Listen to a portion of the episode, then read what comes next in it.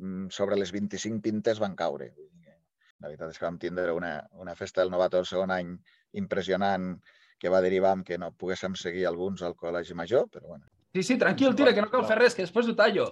Vale, pues un segon. No, no, ho tallo no, això falso inicio, eh? Hombre. Quan vulgueu. Vinga, som-hi.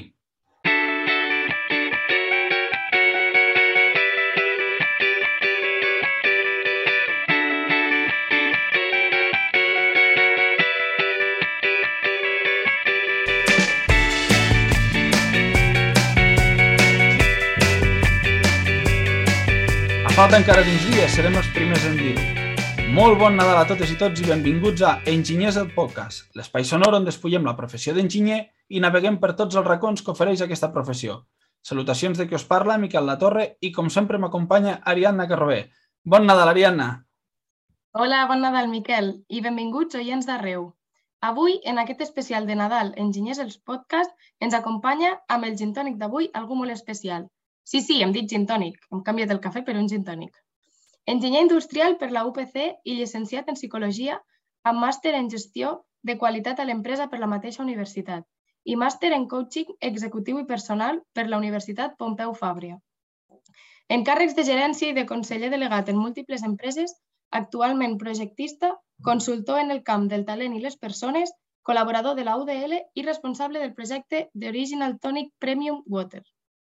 A més d'aquests càrrecs poc importants, també ostenta el títol honorífic de Pichichi de l'equip de futbol dels enginyers, amb un únic gol de penal, dos cops campió del torneig de pàdel del Col·legi d'Enginyers de Lleida, cinc, sis cops eh, campió del de tennis i dos com a millor enginyer a l'Open de golf. També és un dels primers en creure en aquest projecte d'enginyers al podcast i en les estones lliures president de la demarcació de Lleida de l'EIC i col·legiat des del 94. Benvingut, Guillem Presi, Enginyers al podcast. Hola, moltes gràcies, Miquel, Ariadna.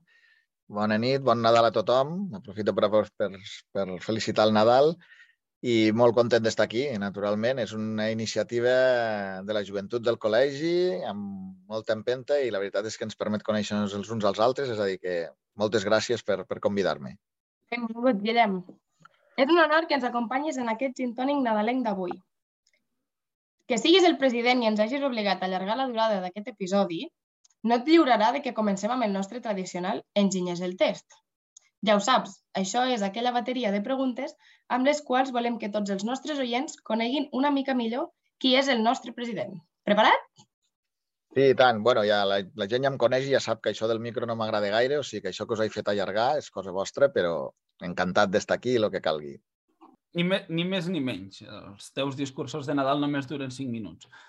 Eh, avui començaré, Ariadna, jo amb l'enginyers al test, perquè així et deixo l'última pregunta per tu. Eh, Aquest, aquesta vegada me la trec de sobre. Vinga, va, Guillem, comencem. L'enginyeria, ha estat sempre la teva vocació o és quelcom que va venir després? Bé, jo crec que com a, com a tal, com a titulació, és algo que, clar, de petit jo no, no, no tenia ben bé al cap, perquè possiblement tampoc coneixia el, el que era, no? Eh, possiblement si li preguntéssim a la meva mare, no ho he fet, eh? vaig pensar, li pregunto o no li pregunto, però no calia. Possiblement hagués dit arquitectura, hagués dit alguna una formació tècnica, això sí, no? quan, era, quan era molt petit. Eh, el que sí està clar és que, és que bé, quan, quan vaig veure que, que em permetia juntar la, diguéssim, la vessant tècnica, la vessant industrial, amb la, la vessant de gestió, eh, llavors ho vaig tenir clar, no? O sigui, sempre havia anat cap a... A la meva època no hi havia tants, tants batxillerats, hi havia ciències i lletres, i el que tenia clar de ciències, això des de sempre, la matemàtica, la física sempre m'ha agradat, i, i bueno, doncs, quan vaig descobrir aquesta, aquesta opció, la veritat és que hi vaig anar, hi vaig anar de patac. Tant és així que a mi m'agrada, o sigui, diguéssim, la vessant de gestió és molt important o, era, o, o per mi era, era, molt important o m'agradava molt, diguéssim, que bueno, en aquella època, després de la, de la selectivitat, havíem de fer una llista de les, de les carreres, per si no entraves a la primera, doncs anar a la segona o la tercera o tal. I jo la segona, doncs, la veritat és que no vaig ficar una altra enginyeria, vaig ficar econòmiques. És a dir, que ja tenia clarament vocació d'enginyer industrial en organització industrial, que és el que després vaig, vaig fer com a especialitat. I després de tots aquests anys treballant com a enginyer, em, ens podries dir què és el que més t'agrada d'aquesta professió? Bé, a mi el que, un, fet que ressalto sempre i quan parlo amb els joves, els fem les presentacions del col·legi, al, al màster, és que és una, és una professió que, que té una amplitud molt gran, o sigui, és molt, molt transversal. I a mi això m'agrada molt. Vale? És a dir, és un, és un tema personal. Hi ha, hi ha, diguéssim, les, qualsevol opinió és vàlida, naturalment, i l'opinió contrària d'especialitzar-se moltíssim pues, segurament és molt vàlida i, i és necessària per avançar en certs, en certs camps, però mm, a mi m'agrada que sigui generalista i m'agrada que ens doni una mica eh, opció de, de, de després la vida professional portar-te per un cantó o per l'altre o inclús variar dintre la vida professional. No? O sigui, m'agrada molt la, la transversalitat i la, i, la, i, la, i, i la quantitat de camps que abarqui. Bueno, la paraula transversal no és la primera vegada que surt. Eh, de fet, és quelcom habitual a, a, aquí als nostres convidats, però eh, sí que, pels que ens escolten més joves, sí que és veritat que tot i ser tan transversal, et segueix permetent eh, especialitzar-te especialitzar a posteriori. És a dir, et permet que, sabent de tot, eh, tenint una formació que et permet abarcar moltíssim, després et permet especialitzar-te i seguir-te formant. Arribarem a la formació. Ja saps que és una pregunta que ens agrada molt. Però va, seguim amb el test. Eh, ens has explicat què és el que més t'agrada. Ara ens has de contar aquella anècdota, aquella anècdota, aquell moment que recordes amb molt carinyo de, de la teva vida professional, el que més t'ha marcat positivament parlant. Bé, eh, a, nivell, a nivell de, de... A mi sempre m'agrada agafar el, el darrer moment no? professional, però aquí jo crec que ens hem de centrar més en la part en la que, en la que estava més involucrat, diguéssim, en la gestió pura i dura d'enginyeria.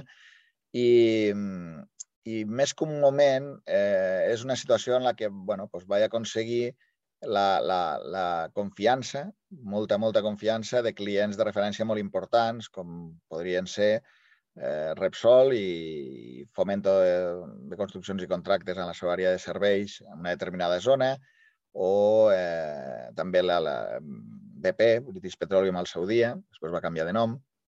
És a dir, a, aconseguir que els, que els clients te veguin com un expert i, sobretot, més que expert a nivell tècnic, que tinguin la confiança, ¿vale? que la confiança és algo bueno, pues que costa molt de guanyar i, i que, bueno, com sabem, té, té tres potes, no? Té, té la, la, la, la capacitat tècnica, és a dir, a nivell professional, perquè jo puc confiar molt en el meu germà, però no el deixaré que m'operi del rinyó, ¿vale? és a dir, necessitem capacitat tècnica, necessitem eh, veracitat, és a dir, no, no faltar la veritat, que això és molt importantíssim a nivell professional, i necessitem confiabilitat, o sigui, fiabilitat en el sentit de no dir avui tothom pot evolucionar, però no dir avui blanc i demà negre. No? Bé, jo crec que vaig aconseguir el, eh, dels clients a nivell d'enginyeria, de clients de referència molt importants, eh, aquesta confiança que feia que, bueno, pues que, que pràcticament deixaven a les meves mans el, el com fer i com executar les seues instal·lacions. Bueno, jo sóc partidària sempre de dir que no valoraríem potser aquests moments bons o aquests moments que ens han aportat tantes coses positives si no tinguéssim, per un altre costat, eh, moments en què ens ha tocat caure o que ens ha sortit alguna cosa malament.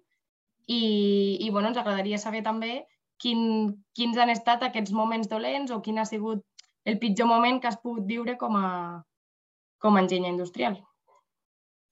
Bé, el pitjor moment, eh, jo crec que no hi ha dubte, que és quan eh, la crisi del 2008-2012 es van portar per endavant l'empresa que havia creat amb molta il·lusió, que portava el meu nom, Bepsan, Boira Herreros Fita San Juan, que la vaig crear amb un, amb un company i amic eh, enginyer tècnic, el Gerard Fita, eh, i després va anar a Endesa perquè tenia vocació d'anar-hi, el seu pare havia treballat eh, una persona important a Lleida i, i llavors la, diguéssim que vaig quedar sense ell abans, però bueno, mm, va evolucionar molt l'empresa i, la, i aquesta crisi bueno, eh, se van juntar una mica tormenta perfecta, crisi bancària, de, de feina, de, de, de socis, de diverses coses, i va ser un moment, la veritat, molt, molt delicat.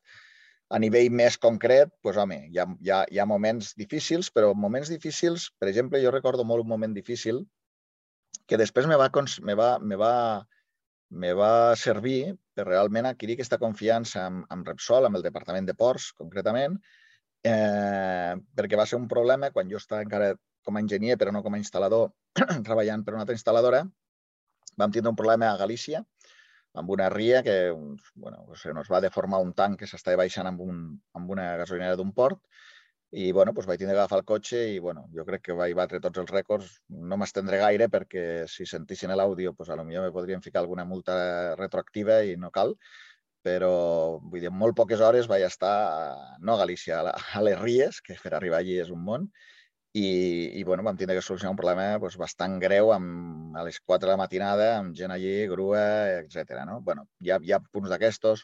En una altra ocasió doncs, bueno, doncs va haver un, un error d'un operari que va crear una contaminació d'un gasolina en vez de gasoil. Bueno, tampoc m'extendré perquè jo crec que els detalls aquests més tècnics tampoc a l'audiència general no, no, no són interessants, no? però realment amb, claro, eh, vaig, vaig, vaig signar, no ho sé, vora 1.500 projectes i direccions d'obra o treballs al col·legi, és a dir, moments complicats te'n trobes, però que al final són proves i són proves professionals. És a dir, crec que ajuden a, ajuden a créixer.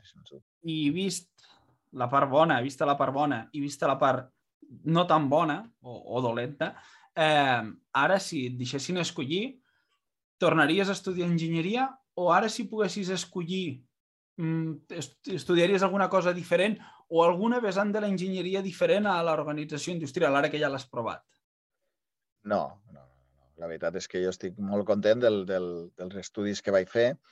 Eh, ja dic, perquè per mi és, un, bueno, doncs és una, una manera d'arribar molt, molt bona a la, a, la, a la gestió, diguéssim, a la, a la, a la gestió d'equips, a la gestió d'empreses, eh, tenint una base molt sòlida tècnica al darrere. No? És a dir, al final, Eh, bueno, com heu dit, després vaig fer la, la carrera de psicologia, he fet temes de coaching, m'ajuda molt el tema de, de, de gestió del talent, de les persones, però eh, té que haver darrere una tècnica, tenen que haver uns processos, tenen que haver una manera de fer les coses molt ben feta i crec que la nostra carrera ens permet això, no? O sigui, els que ens agrada la gestió ens permet arribar-hi no tant des de la vessant purament econòmica o purament de, de, de l'administració de l'empresa, sinó des d'una visió més tècnica i més de, de controlar els processos logístics, els processos de producció, bueno, tot el tipus, tots els processos. No? I crec que sí, definitivament repetiria. Sí. Ara a l'Ariana li toca la difícil. L'Ariana no te la prenc. Però que consti que haguessin petat l'audiència si el president de la demarcació diu que no torna a estudiar enginyeria. Vull dir, no. tenim, tenim fet el podcast, ja no ens cal continuar amb l'entrevista. No, sento no haver-te donat aquest titular, però, però la veritat és que hi tornaria. A més, bueno, pues, eh, no sé si en parlarem, però eh, fora del test, però l'època universitària, a més, tinc un gran, grandíssim record, o sigui, de, de, de, a tots els nivells. És a dir, que tornaria a fer la, tornaria a fer la enginyeria. Potser ara no me la trobaria igual. Naturalment, han canviat els plans d'estudi, han canviat moltes coses, la manera d'estudiar, però, però, vamos, el record que en tinc és meravellós i la, i la carrera posterior també. Pues bueno, ara sí. Última pregunta del test. Miquel, ja m'ha quedat clar que em toca fer-la a mi, no me puc escaquejar de cap manera. Així que ja vamos. Eh, fent memòria enrere, Guillem, ens podries dir quin va ser el teu primer sou relacionat amb enginyeria? Si és en pessetes, si ens fas la traducció en euros, la canalla t'ho agrairem. Molt bé, doncs aquests millennials que no es poden suportar, però sí, sí, com a boomer eh, és en pessetes i eren 200.000 pessetes eh, l'any 93 Eh, Me'n recordo perfectament perquè, bueno, en realitat és un sou que, que, que, que ens vam autoficar, no? És a dir, eh, el, el Gerard i jo vam crear l'empresa i vam dir, bueno, pues, eh, començarem amb aquest sou.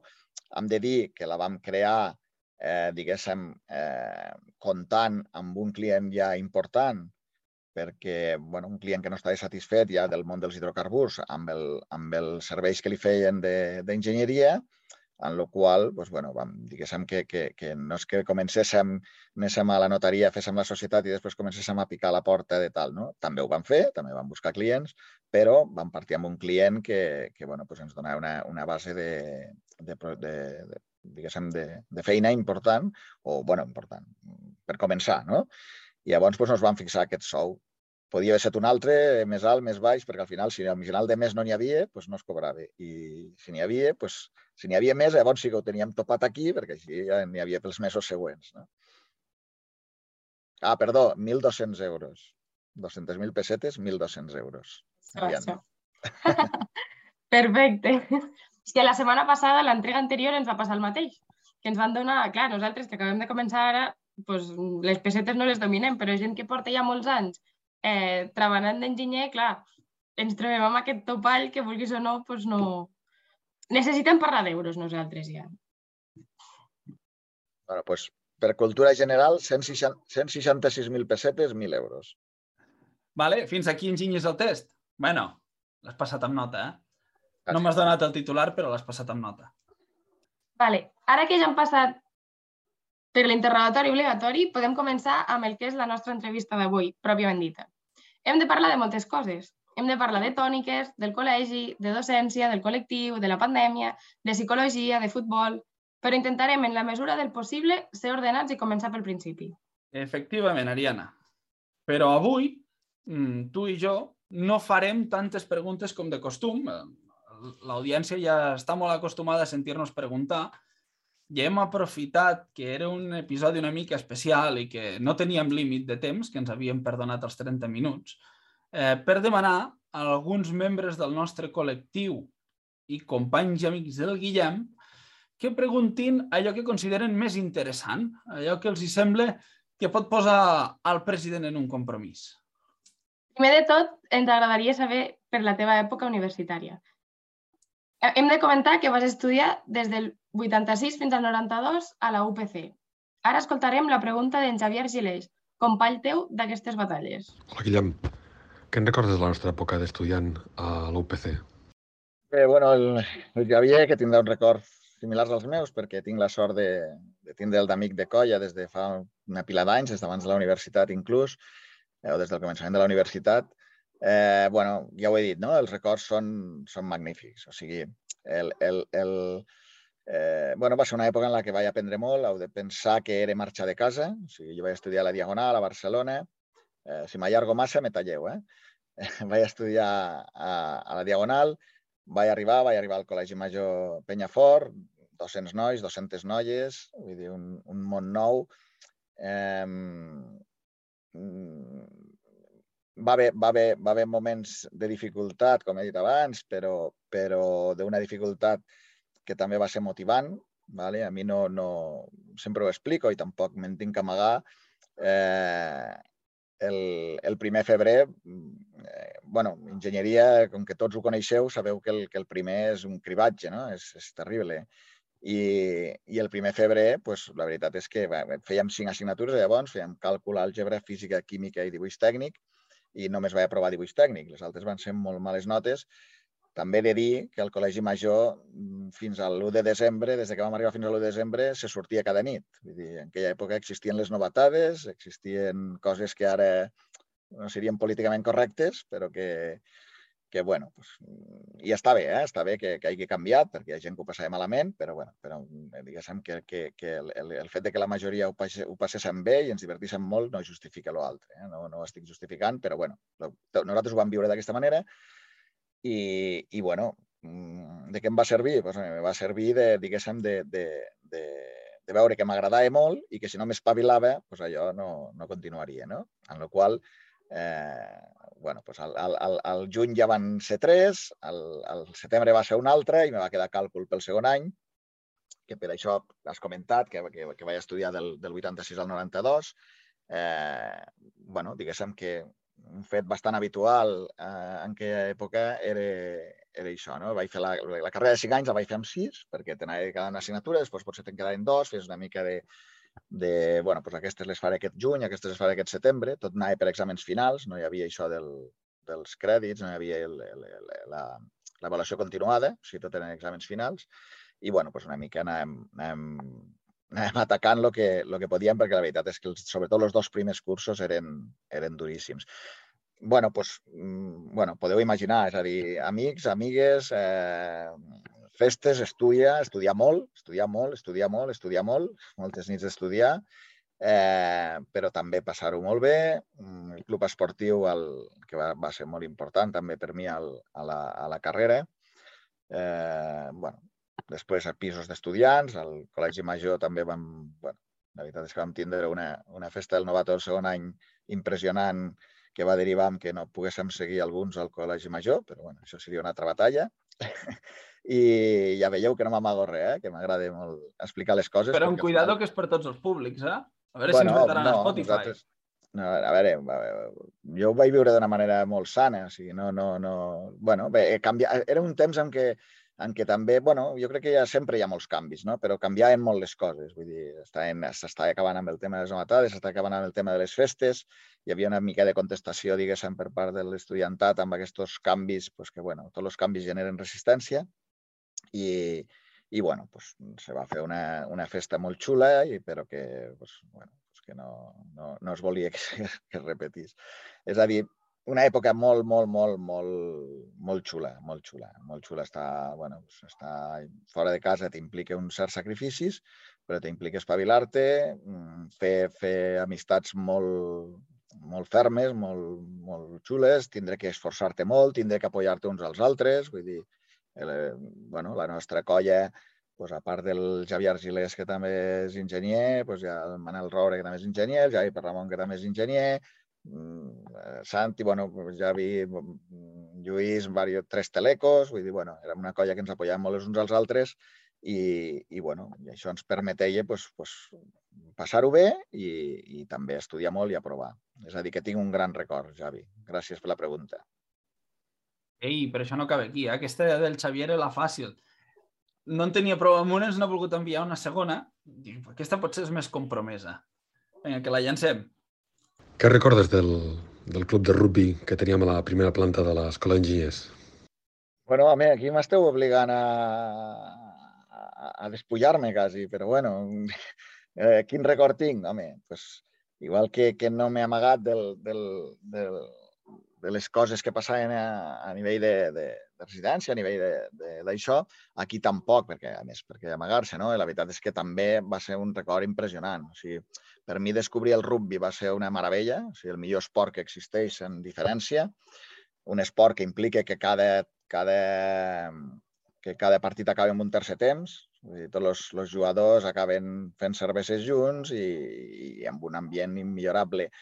A més a més, junt a l'I, eh, que fèiem gires, eh, pràcticament cada any, o sigui, amb l'equip de rugby vaig estar als Estats Units, jugant amb la Universitat de Colúmbia, a la Universitat de Chicago, vam estar a Lancaster, vam estar a Guernica, vam estar, bueno, vam jugar campionat d'Espanya universitari, vam quedar tercers eh, d'Espanya universitari. He de dir que, que, que jo era banquillo perquè vaig arribar al rugby als, als 19 anys, és a dir, hi havia gent que en sabia molt i per això també teníem aquest nivell, però ens ho passàvem igual de bé, els que jugaven de titulars els partits importants i els que jugàvem els altres. Vull dir que ens ho... No, no, no... Naturalment hi ha un nivell competitiu, però hi ha un nivell de companyonia que jo no he viscut en cap puesto. Sense dir-vos més que per això us deia que no m'importava explicar les coses. Eh, fa vora un mes vam estar a l'última gira dels veterans eh, que ara feia temps que no hi anava i me vaig apuntar i vam anar a Gales a veure el partit Gales-Sud-àfrica i va ser tres dies fantàstics de retrobament amb vells companys i, i bueno, i el que no us deia que tampoc amagaria és que mm, sobre les 25 pintes van caure. Que una, ens ho vam passar molt bé, vam cantar molt i, i vam animar molt. Sí, això m'agrada, això m'agrada. 25 és un bon número.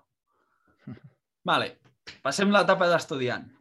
I ja ens has fet una mica d'espoiler abans al test, però després d'aquesta etapa vas estar 19 anys, que es diuen aviat, 19, al peu del canó amb BEFSAN, enginyers, fent tasques tan diverses com projectes relacionats amb els hidrocarburs, si ens comentaves, tasques de laboratori independent, posteriorment comercialització de productes, obra civil... Hem llegit que vau arribar a ser més de 30 treballadors. Eh, aquí el Jordi, el Jordi Calvís, ens envia una pregunta per tu d'aquesta etapa. Hola, bona nit a tots. Bona nit, Guillem. Enhorabona pel sopar, està sent fantàstic. En el primer plat, excel·lent. A tu t'ho he tardat, veig, eh? que, que el teu plat està, vamos, que brille. Bueno, eh, per tothom, aquí el Guillem, el veieu, és probablement l'enginyer espanyol, ja no dic català, espanyol amb més experiència en instal·lacions de combustible en ports. Doncs bé, a mi m'agradaria que ens expliquessis alguna història o alguna anècdota eh, graciosa, doncs que segur que ens pot resultar superinteressant i, i, i la podem disfrutar tots junts. Hala, aquí us el deixo. Bona nit i bon profit. Bé, com, és, com eh, el Jordi ho coneix perquè va estar treballant amb mi en una, en una etapa molt, molt xula de, en, què, en què fèiem aquest tipus d'instal·lacions. eh, i li, li, diguéssim que l'he vist néixer professionalment, li tinc molt carinyo. Eh, la veritat és que, com us he dit abans, vam assolir un nivell de confiança i això és perquè fèiem les coses ben fetes. És a dir, eh, va ser continuat amb el temps i, i bueno, pràcticament érem l'enginyers de referència de, de, de Repsol, no? però, però no només de Repsol. Anècdotes divertides, home, n'hi ha, n'hi ha. Eh, per exemple, una instal·lació que vam anar a, a fer a Eivissa i me'n recordo que de tots els que vam anar, diguéssim, jo, jo hi vaig anar com a enginyer, dirigia l'empresa, però hi vaig anar també com a, com a direcció d'obra, projectista, i llavors vam enviar instal·ladors, vam enviar electricistes i, bueno, doncs, com a anècdota és que us puc dir que en aquella instal·lació l'únic que no va tornar foradat va ser jo. Vale? És a dir, tots els que van anar van tornar amb un piercing o altre. Eh? El, en puestos diversos, ¿vale? no cal, no cal allargar-se, però, però vamos, eh, que jo els deia, home, però eh, escolta, que, que potser us deixareu el, el sou de dos mesos aquí, perquè també feien unes sortides, però la feina la feien bé, i la feina quedava bé, i, i Repsol estava molt content. Una altra anècdota divertida, bueno, una vegada, per exemple, que estàvem fent també que també vam aconseguir la, la, una, una confiança. De fet, a mi m'agrada molt fer amistat amb els clients. Vale? Aquí també hi ha dues escoles, no? el que diu que, que no s'ha de fer amistat perquè una, el professional s'ha de separar. A mi, fins a cert punt, eh, crec que no. Crec que és bo fer amistat perquè al final els problemes amb bona sintonia se solucionen. Vale? És a dir, amb un amic no li he de deixar passar un fallo professional, però en canvi el puc tractar amb més, amb més confiança i més, i més, bueno, pues amb més positivitat. No? Vam fer també molt, molt bon client al, al Real Club Nàutico de Palma de Mallorca, eh, que estava presidit pels, pel senyor Barceló, Gabriel Barceló, ara ja, ja va morir, eh, director, bueno, el, el propietari dels, dels hotels, i al Club Nàutic eh, bueno, va haver un moment en què amb un, amb un moll enfrente, amb un moll al passeig de Palma, estaven rodant una pel·lícula. I, i me van trucar, me van dir, escolta, que esteu fent una obra allí, voldríem que l'aparéssiu perquè aquests, del, aquests de les pel·lícules eh, eh, mouen uns pressupostos que, bueno, era una pel·lícula ni coneguda ni res, eh, holandesa, però me diuen, home, què vols que faig? Home, doncs hauries de vindre, ho parlem i tal. Bueno, total, que me van pagar l'avió, me van pagar l'hotel, me van fer allí, me van explicar tot, me van dir, no, home, no, és que segons la toma, quan això se us moveu i tal, total, que vaig anar al Club Nàutic i els vaig dir, escolta, mira, que m'han explicat això, me demanen això, i el, i el, el director del Club Nàutic me va dir que nosaltres hem de parar l'obra perquè estan gravant una pel·lícula. Diu, dils a la pel·lícula que, que s'acuesten. ¿vale? Eh, tot, vaig tornar a la pel·lícula i vaig dir, mira, ho sento, però aquí estem parlant amb una gent que organitza copes del rei de vela i que, que ells no paren la pel·lícula. Tal. Nos donaven diners, eh? nos donaven bastants diners per, per parar, per cada dia de parada, en dos o tres, nos donaven bastants calés. Eh, i els vaig dir, si voleu rebaixem el preu de l'obra i tal, i van dir, no, no, aquí no, no, no parem res i no perdem tres dies. I va ser divertit perquè, bueno, inclús aquella gent del cine me volien convidar a una festa a la nit i tal, dic, no, no, que tinc l'avió de tornada, diu que sí, home, queda el que ja veuràs, i bueno, no sé, igual intentaven convèncer d'alguna altra manera, però no. Vull dir que, bueno, amb tants anys coses, coses em passen, no? I, i bueno, te trobes una mica de tot. Bueno, és el que té al final l'experiència, que te porta coses bones de creixement estrictament professional i després te porta anècdotes de sobretaula que, mira, al Nadal i a les trobades pues, se poden anar explicant. Bueno, les de sobretaula jo tampoc no, no m'he estès perquè us he de dir que aquests clients eh, també boomers o pre-boomers, pues, eh, la sobretaula els agrada molt i me'n recordo que, que bueno, una forma d'explicar de, de, de, de la confiança que t'arriben a tenir és que t'acaben convidant a dinar. ¿vale? Perquè, vull dir, dinars que, que no estan malament i el, i el client t'acaba convidant. I diu, no, home, no, eh, eh, ara que no em sent ningú, diu que, que paga Repsol, hombre. Dic, vale, vale, pues, pues paga Repsol. No els arruïnarem, no? No, uno más, uno menos. bueno, després d'aquesta etapa, eh, ens agradaria passar-te una pregunta del nostre company Dani Melé, que és capità de l'equip de futbol, i allà va la pregunta. Bon dia, Guillem. Soc el Dani. Ja saps que m'agrada sempre treure't una miqueta els colors i m'agradaria que ens expliquessis a tots per què una ment tan brillant com tu, que a nivell enginyeril ens ha demostrat tant i a nivell de, de, de lideratge ens ha demostrat tantes coses i hem pogut aprendre tantes coses, què se li ha perdut en el món de la psicologia? Perquè no sé si ho sap molta gent d'aquí, però també tens però també tens els teus estudis en aquest àmbit. Ens agradaria que ens poguessis explicar una miqueta a tots el per què vas decidir fer aquest, aquests estudis i quina relació té tot això amb el, amb el tema del, del coaching i hunting que, que tots sabem que tant t'agrada. Bé, el Dani, també li tinc molt carinyo, és una de les noves, de, de, representant de les noves generacions d'enginyers, aquests joves que tant estimem. Eh, i, i bueno, el primer que li diria és que, és que, bueno, que, que gràcies, que, que nos encanta el peloteo al col·legi, és a dir, que gràcies per lo de ment brillant, suposo que ho fa per aquest peloteo, però suposant que fos així, el primer que li diria és que, és que diguéssim, les ments brillants poden estar a l'enginyeria, però poden estar també a la psicologia o poden estar en qualsevol dels àmbits. No? En això eh, segur que, que, que anirà aprenent. Jo era, molt, jo era molt així, jo de jove era molt enginyer, era molt quadriculat, era molt eh, blanc, negre, bo, dolent. És a dir, és una, una evolució que estic content d'haver fet a, a veure que, que les realitats no existeixen, no? i que el que per un és blanc, per l'altre és negre, i per el que un pot ser bo, per l'altre pot ser dolent. No? I, i bueno, això m'ha ajudat molt a aquests estudis que comenta el Dani. No? És a dir, jo, al, de fet, la, la, la psicologia mm, la vaig començar al 2005, que era un moment, eh, bueno, per ficar-nos en context, BEFSAN fins al 2000 va ser només enginyeria, eh, i, el, i, a, i a, llavors del 2000 al 2007 van fer un creixement de facturar 300 i pico, 400.000 euros a facturar 6 milions i pico. ¿vale?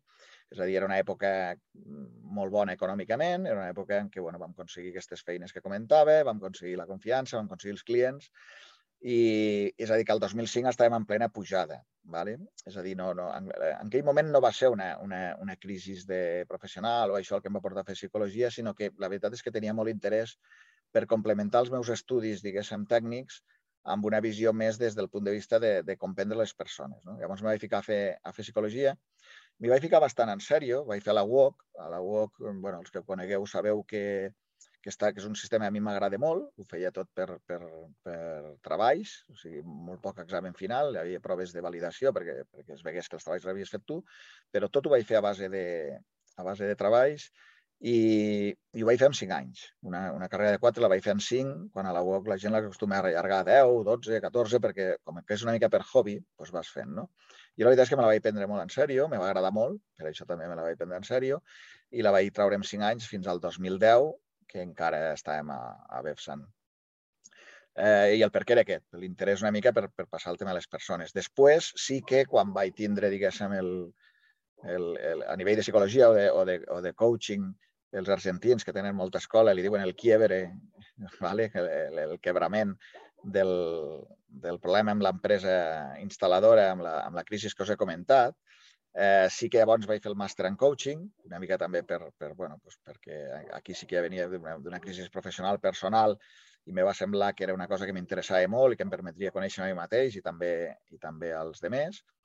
I, i, bueno, i a partir d'aquí vaig, vaig, me va agradar molt aquest món i vaig començar a fer la, aquesta consultoria de gestió del talent, del, del lideratge, del treball en equip, de tot això. És a dir, que, bueno, per mi, una mica a vegades en conya a, a la família li dic, no? Dic, bueno, és que el, dic, el món se, el món se resumeix amb dues paraules, no? que és enginyeria i psicologia.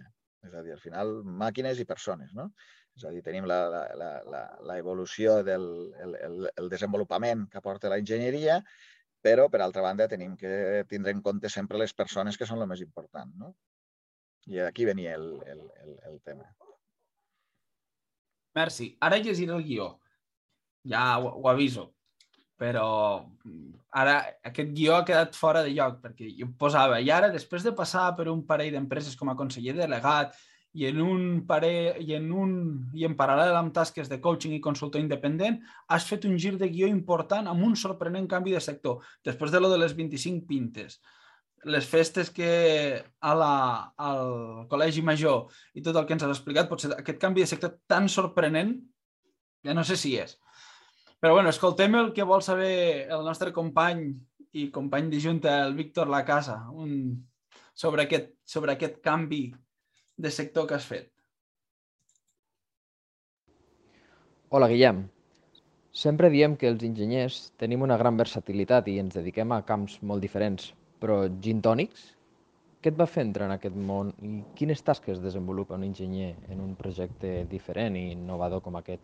I cap a on va aquest projecte de ginebres i tòniques? Gràcies. Bé, eh, gràcies, Víctor, també per la, per la pregunta. El Víctor és, és, és un enginyer també jove, ja no, no tan jove com el Dani, ja ha passat la trentena, però és un, és un valor de l'enginyeria de, de futur de la nostra ciutat. La veritat és que és un tio majíssim, company de junta. Eh, eh, a veure, mm, va ser una mica casualitat. O sigui, jo estava treballant amb un grup d'empreses que, és, que, que, que pertany a una, una persona que és la propietària també de les tòniques i estava fent un, una consultoria més aviat de, de, de gestió del talent, de treball amb equip, de lideratge, de tots aquests temes que us he comentat que, que feia, que he fet programes... La veritat és que he fet programes xulos. És una, una etapa... bueno, he fet i fai, no?, quan, quan, quan me surten. El que passa que ara tinc menys disponibilitat, però he fet programes xulos. He fet programes per... Bueno, tinc molt carinyo per un programa que vaig fer a Gal, però també per, per, bueno, pel RAC, per la Caixa, he fet programes xulos d'aquest estil i estava fent un amb aquesta empresa familiar. I va resultar que, bueno, pues que tenien aquest projecte i aquest projecte pues, bueno, estava una mica, diguéssim, bueno, no, no sé com explicar-ho perquè tampoc me correspon a mi, però no amb el, potser amb l'ordre o bueno, amb la gestió que, que, que podria optimitzar-lo. No?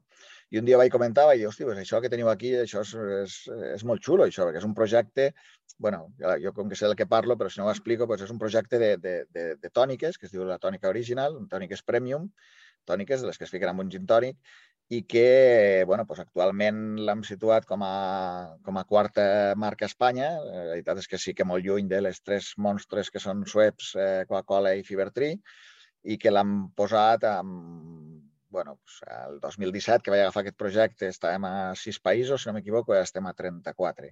És a dir, que l'hem internacionalitzat moltíssim, ha arribat del 20 i pico al 81% d'exportació. Eh, bueno, quin, quina, quina, quin paper, quin, què pinta un enginyer? bueno, pues al final, diguéssim, estic fent de, de, de CEO del, del projecte, director de projecte, si volem, perquè per mi, al final, és un, és un projecte d'enginyeria. És a dir, Eh, i, I la veritat és que molt complet. És, és, és, és petit, és petit, eh, diguéssim, però és, però és molt complet amb el sentit de que, bueno, pues al final eh, m'he de responsabilitzar des de la fabricació, que no la fem nosaltres, la, fem, les, la, la, la maquilem, però sí fem la, diguéssim, tot el que és la, la, el proveïment de matèries primeres, la, el disseny, les innovacions, les novetats, el packaging, tot això ho fem nosaltres, després ho fem maquilar, però mm, també tota la part logística de emmatge, gestió d'estoc, caducitats i després tota la logística d'exportació fins a la part comercial també. O sigui, la part comercial de vendre per tot el món, a fires internacionals.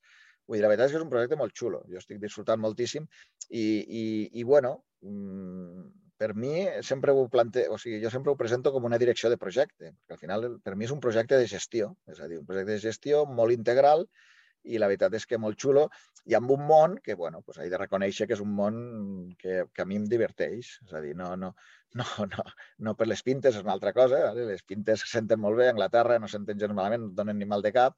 Eh, de veure s'ha de veure amb responsabilitat i s'ha de disfrutar bevent. I per això nosaltres fem un producte premium per a que la gent disfruti bevent i ja dic, en un món pues, pues, bueno, pues que sí, és, és, és, és divertit. O sigui, veus bartenders amb barba, amb tatuatges, amb bueno, pues, gent molt, molt curiosa, molt excèntrica, molt divertida i, i per tant, pues, un projecte molt atractiu en el que em trobo molt a gust. Vale. Ara ens agradaria també parlar del que seria eh, el col·legi. Sí, aquest any farà ja 20 anys que estàs a la Junta del Col·legi des del 2018 com a president de la demarcació de Lleida del Col·legi d'Enginyers Industrials de Catalunya. Ets el nostre preci, tot sigui dit. Nosaltres et podríem fer moltes preguntes, però hem decidit cedir aquesta pregunta al teu predecessor al càrrec. M'agradaria donar moltes gràcies al Joaquim per participar a Enginyers el podcast. És tot un honor per nosaltres tenir aquesta pregunta per part teva. Et cedim el micròfon. Hola, Guillem. Sabent que disposem del podcast gràcies a l'amic Miquel Latorre, ara que et trobes a l'inici del final del teu primer mandat com president de la demarcació, et vull fer una pregunta. En una etapa marcada per la presència del Covid, quin balanç en fas? Moltes gràcies, Guillem. Bé, Joaquim, eh, li agraeixo també la pregunta. Un, un, podria dir que un dels meus dos mentors, no? Jo va, vaig entrar a la Junta eh, fa molts anys amb el, amb el Josep Giné, eh, que li tinc un, un carinyo molt especial, i després vaig compartir junta amb el, amb el Joaquim vuit anys, com, amb ell com a president, i, i la veritat és que vam, vam fer confiança per una mica continuar el projecte. Eh, bé, el balanç, eh, clar, jo el balanç crec que és positiu, eh, tot i que m'agradaria que fos d'una altra manera. És a dir, aquests dos anys han set certament traumàtics. O sigui, mm, jo que li dono molta importància a la, a la part social, diguéssim, de la nostra institució, sense oblidar que som un col·legi professional, que tenim unes comissions impressionants, que estem marcant, marcant pautes i marcant legislacions a, a nivell de Catalunya d'una forma molt potent, que estem presents amb, amb, amb, tota la, amb totes les discussions i els foros tècnics, que tenim una formació brutal, tenim una, una oferta de formació especialitzada brutal, eh, bueno, que tenim unes, unes cobertures de, de responsabilitat civil, és a dir, que, que el col·legi compleix una funció de defensa de la professió impressionant, però crec que també eh, una, altra, una altra part molt important és la cohesió, no? la cohesió de l'equip i el networking, és a dir, el, el fet de conèixer-nos. Per això tan, per mi és tan important aquest projecte que, que, que porteu vosaltres dos, perquè crec que és molt important que els, que els enginyers coneguin els seus companys, a on són, a on no són, com, què els hi ha passat, com senten, que, que pensen de la, de la enginyeria. És a dir, per mi és importantíssima. Llavors, clar, de, en aquest sentit, els dos anys de, de Covid doncs, ens ha frenat bastant el, diguéssim, aquest, aquest contacte social. No? Però dificultats n'hi ha a totes les èpoques. El propi Joaquim va viure una, una època molt, molt, molt difícil perquè bueno, doncs el, si es diu així, Tribunal de la Competència, o bueno, les autoritats de la competència van decidir que el visat deixava de ser obligatori, en la qual els ingressos dels col·legis professionals, com el nostre, van baixar menys de la meitat. Eh, a sobre l'administració, tot i que per, per exercir d'enginyer és obligatori estar, estar col·legiat, segons diu la, la legislació, però l'administració no s'ho pren gaire en sèrio, la seva pròpia legislació, eh, fins al punt de que molts enginyers de l'administració no, no ho estan. Eh, és a dir, eh, va, a ell li va tocar viure una època molt, molt complicada a nivell econòmic de les nostres institucions i ho va tirar endavant, crec que amb molt bona nota. Aquí tenim aquesta dificultat. bueno, la, la part, per què dic positiu? Perquè veig que tot i que tenia aquesta dificultat, diguéssim, a nivell social, veig que quan han pogut, com ara el recent sopar de Germanó, amb set, quasi 180 persones, amb moltes taules de joves, el, el, el sopar d'estiu aquest any, que el van poder retomar també, reprendre, també vam tindre mm, tres taules de, de, plenes de gent jove, la gent participa, la gent té ganes, han fet una sortida fa poc a Torre Mirona i també hem set una, una bona colla de gent. És a dir, que jo crec que el col·legi ja està molt bé. Tenim projectes en marxa, estem renovant la seu, eh, ja, hem, ja hem acabat la primera planta, estem, estem aquest any que ve faré, tindrem ja la renovació d'una seu que, que, que per mi ha estat impressionant i que el, el seu dia es va construir amb esforç d'aquestes juntes que he comentat i que, que bueno, ara portava molts anys igual i crec que ara li donem un, li donem un tom per a també apropar-la més al col·legiat, fer uns espais de coworking.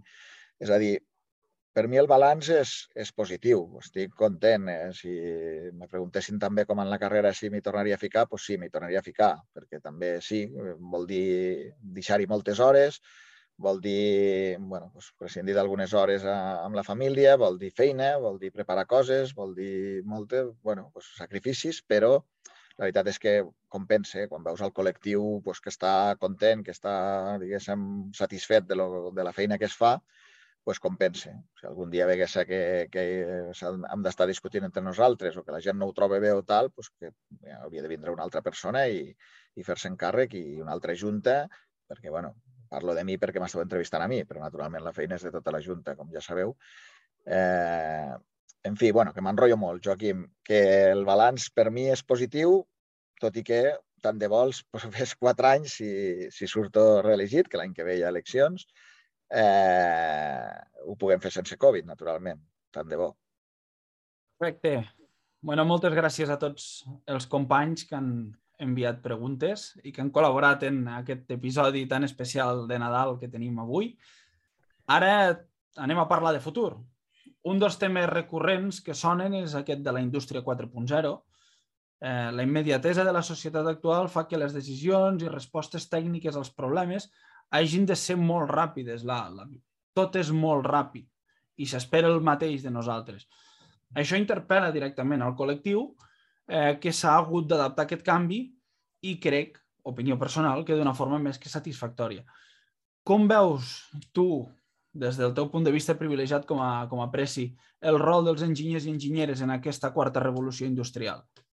Jo crec que mm, som clarament protagonistes. És a dir, eh, ja si agafem l'enginyeria en un sentit ampli, eh, incloem tota la part de telecomunicacions, tota la part d'infraestructures, tota la part d'aeronàutica, des de luego la enginyeria crec que té un paper preponderant en, eh, en els anys que vindran. Vull dir, la, la, la, la quarta revolució industrial és un fet i, i, i bueno, tot se basa en la connectivitat, però per a tenir connectivitat necessitem els, els, els, bueno, els embedded systems, els sistemes de, de, de xips intel·ligents, necessitem enginyeria, enginyeria i més enginyeria.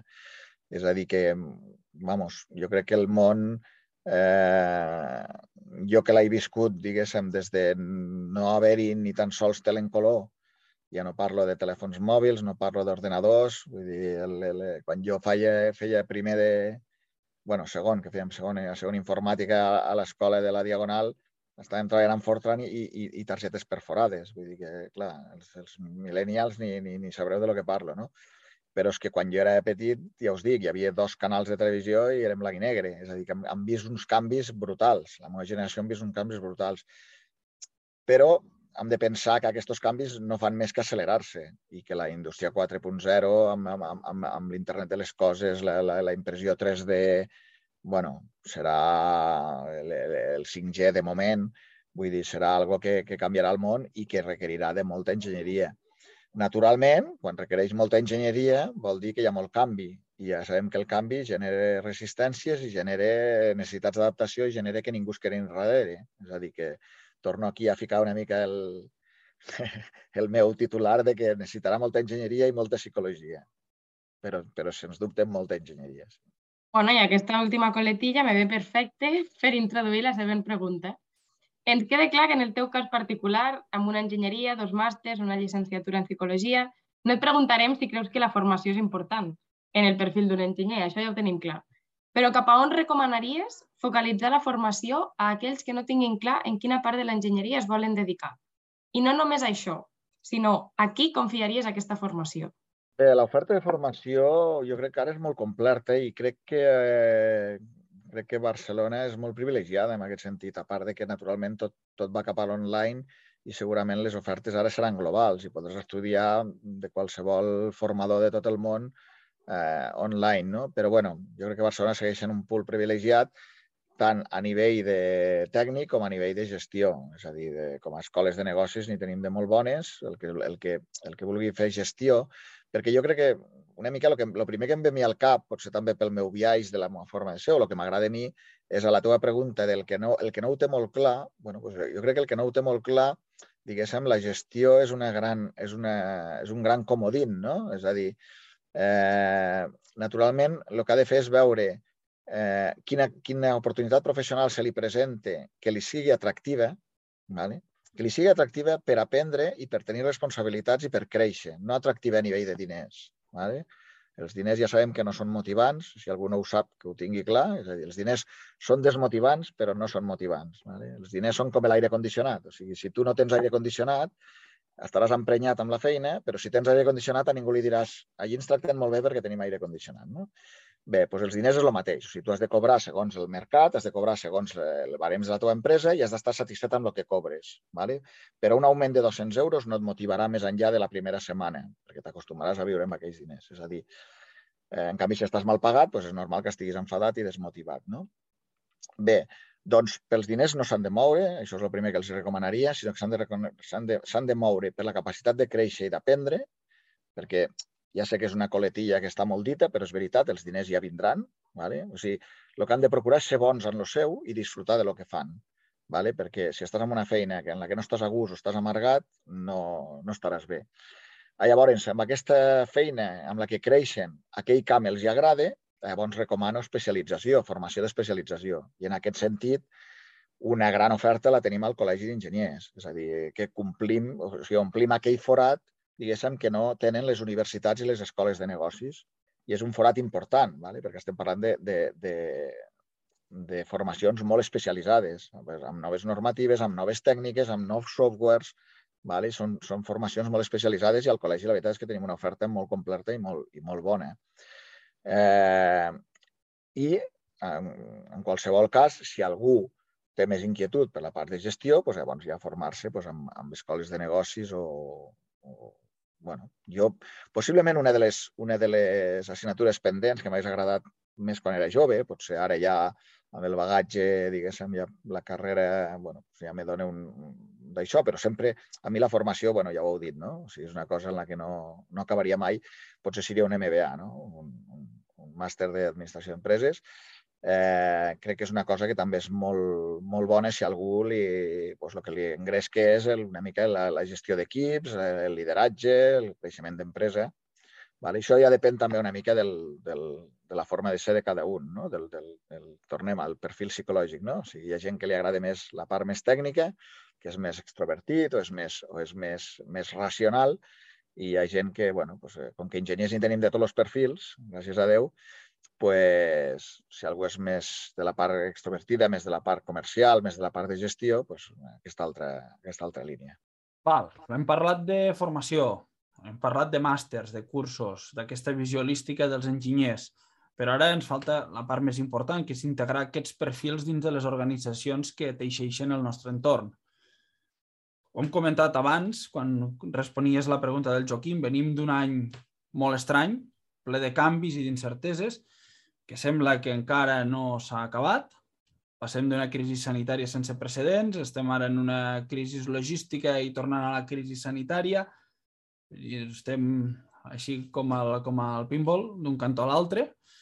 Aquests darrers mesos, amb la Covid, han capgirat tot el mercat laboral, han donat peu a ERTOs, tancaments d'empreses a gran escala, eh, i aquesta situació ha afectat greument a molts sectors, entre ells, per exemple, el de l'hostaleria, i ha deixat palesa la necessitat de personals en altres com el sector sanitari. Enmig d'aquests dos pols oposats, o dos exemples oposats, que podríem ser molt més amplis, eh, hi ha una professió que ha tornat a destacar, com sempre, com històricament ho ha fet, com a valor segur en temps d'incertesa, gràcies a el que diem, aquell perfil transversal que comentaves al principi. Aquí hem fet una mica de recerca, una Ariadna, i segons l'última enquesta d'inserció laboral, de titulats universitaris de l'Institut Nacional d'Estadística de l'INE, el 92,4%, 92,4% dels enginyers i enginyeres tenen feina cinc anys després d'haver acabat els estudis. 92,4%. T'ho torno a dir, eh, per si no ha quedat clar, és un número que, que quan el llegeixes xoca. Això ens obliga, ara sí, a parlar de la dificultat que hi ha de retenció de talent en les, en les empreses vers el, aquest tipus de perfil, el perfil d'enginyer i enginyera, perquè amb una inserció laboral tan important és retindre el talent és quelcom complicat. Com creus tu, des del punt de vista aquest de, de gestor, de CEO, com creus que han d'afrontar les empreses aquesta situació d'alta demanda del perfil de l'enginyer i de l'enginyera i aquesta dificultat de retenció del talent? Bé, per sort, eh, com, com, com tu dius, Miquel, eh, l'enginyeria ha, ha representat un valor segur. Eh, eh, la part industrial ha resistit eh, molt aquesta, aquesta crisi del Covid, ha tingut uns creixements per sobre la mitja. Al col·legi ho hem constatat, hem tingut, eh, hem tingut moltes ofertes a la, a la bolsa de treball, ha costat cobrir-les, la veritat és que, és que és molt difícil trobar enginyers, hi ha, hi ha molta demanda. Eh, inclús m'estranya que el, aquest 8% de que el, després dels 5 anys no tinguin feina deu ser pues, un tema estructural de gent que en aquell moment està canviant o gent que s'ha pres un any sabàtic o bueno, pues, sempre hi ha aquest, aquest atur estructural, però, però la veritat és que, bueno, tant a nivell de col·legi com a nivell personal, que, que com us he dit, també faig alguns projectes de headhunting, costa molt trobar puestos per, eh, per la demanda que hi ha. La veritat és que hi ha molta demanda i costa trobar puestos. Ah, llavors, eh, clar, això implica que, que me preguntes les empreses què han de fer per retenir el talent. Gran pregunta, gran pregunta perquè, per començar, estem en un paradigma que ja no és amb el que jo me vaig criar, no? és, és, és el vostre. I aquest paradigma diu que la gent ja no té aquella aspiració d'abans d'arribar a una empresa i quedar-se per tota la vida. Vull dir, la gent ara eh, té molta més mobilitat i no té eh, cap problema si té que canviar de feina. No? En la qual, si realment tu tens talent i el vols retenir, n'has de, de tenir cura. És a dir, el primer que has de fer és escoltar, escoltar, escoltar la, la, la, les generacions que arriben una mica quines són les seves necessitats, quines, qui, què volen, què busquen en els projectes, donar-los donar factors motivants, que com he dit abans no són els diners, eh, els ha de donar projecte, els ha de donar responsabilitat, o sigui, si un treballador és bo, li has de donar responsabilitat, no li pots estar dient tot el dia el que té que fer, com ho té que fer, eh, estar-li a sobre tot el dia, sinó que li has de donar, li has de donar projecte, li has de donar creixement. ¿vale? Jo crec que els, els, els, els enginyers amb talent volen creixement. Jo sempre dic que, que un, un treballador al final sempre té la paella pel mànec, només necessita una cosa, que és ser bon en el que fa. Si és bon en el que fa, les empreses no se'l deixaran perdre i si en aquella empresa no està a gust, trobarà quatre feines més. Ara ha de ser bo, Vale? La gent que no és bona té por a canviar, té por que la faiguin fora, té por a tot, vale? però la gent que és bona no ha de tenir por a res. És a dir, al final eh, tindrà, tindrà feina en un lloc o en un altre i la vida se la guanyarà de sobres. Vale? Llavors, les empreses pues, bueno, han de pensar això, o sigui, no, han de pensar en que, en que les persones compten, han de pensar en que les persones necessiten eh, a nivell de remuneració està pagat segons mercat, segons mercat i segons, i segons eh, diguéssim, el, el, el, eh, eh, eh, la política de costos de l'empresa. Tampoc pots pagar per sobre perquè si no te carregues la política de costos.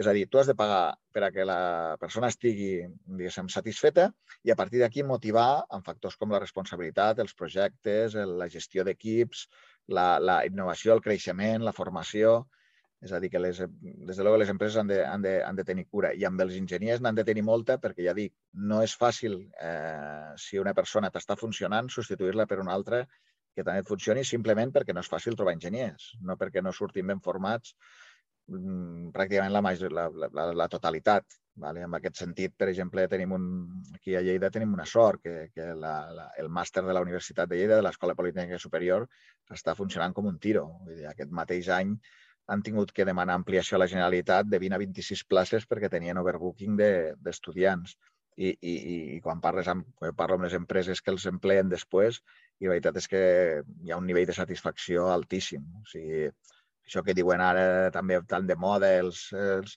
eh, això de abuelo cebolleta, de no, és que ara les generacions no surten preparades, és que ara no sé què, és que ara no saben... No, home, és diferent. O sigui, ara la seva formació és diferent, eh, naturalment doncs, no surten amb uns coneixements potser de, de, de cultura general com la que teníem abans, però, però la gent que arriba és bona i la gent que està sortint és bona.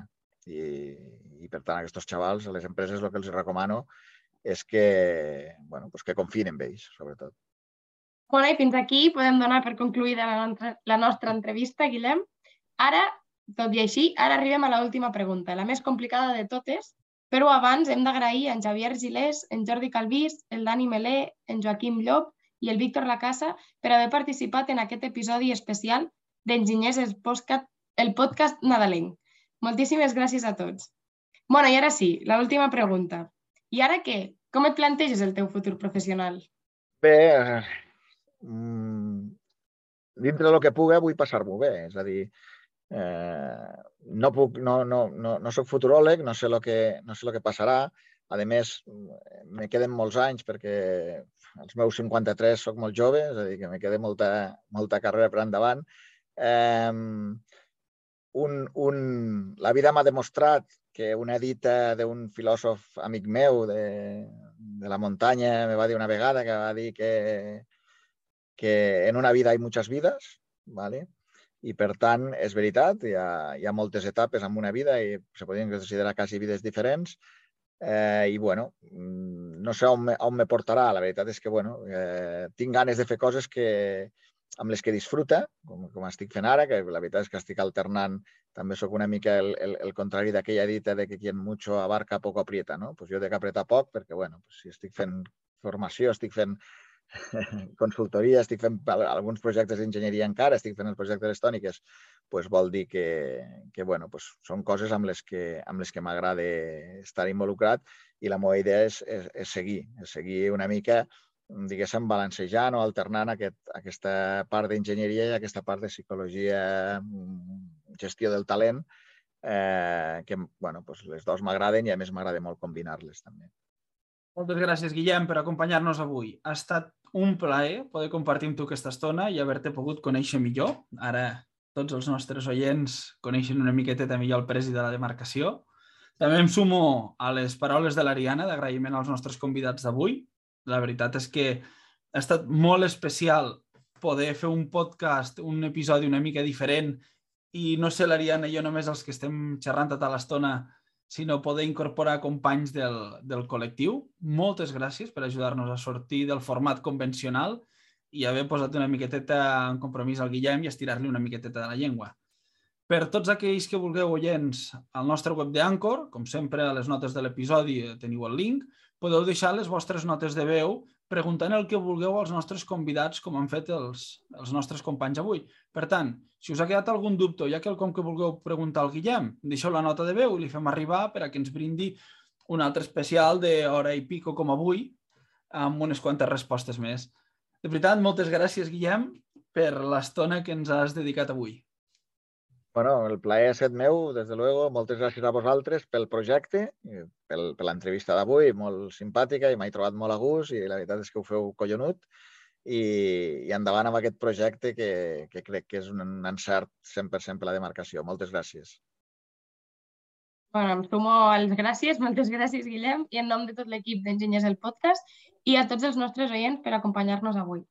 Fins aquí aquest capítol. Moltes gràcies per acompanyar-nos una setmana més Recordeu seguir el podcast a la vostra plataforma preferida i recomanar-lo als vostres amics, coneguts i saludats. Si teniu algun suggeriment o queixa, ens la podeu fer arribar a lleida.eic.cat i estarem encantats de, de llegir-vos. Enginyers el podcast acaba avui aquí. Ens escoltem en el proper capítol amb nova companyia i un altre punt de vista de la nostra professió que de ben segur no ens deixarà indiferents.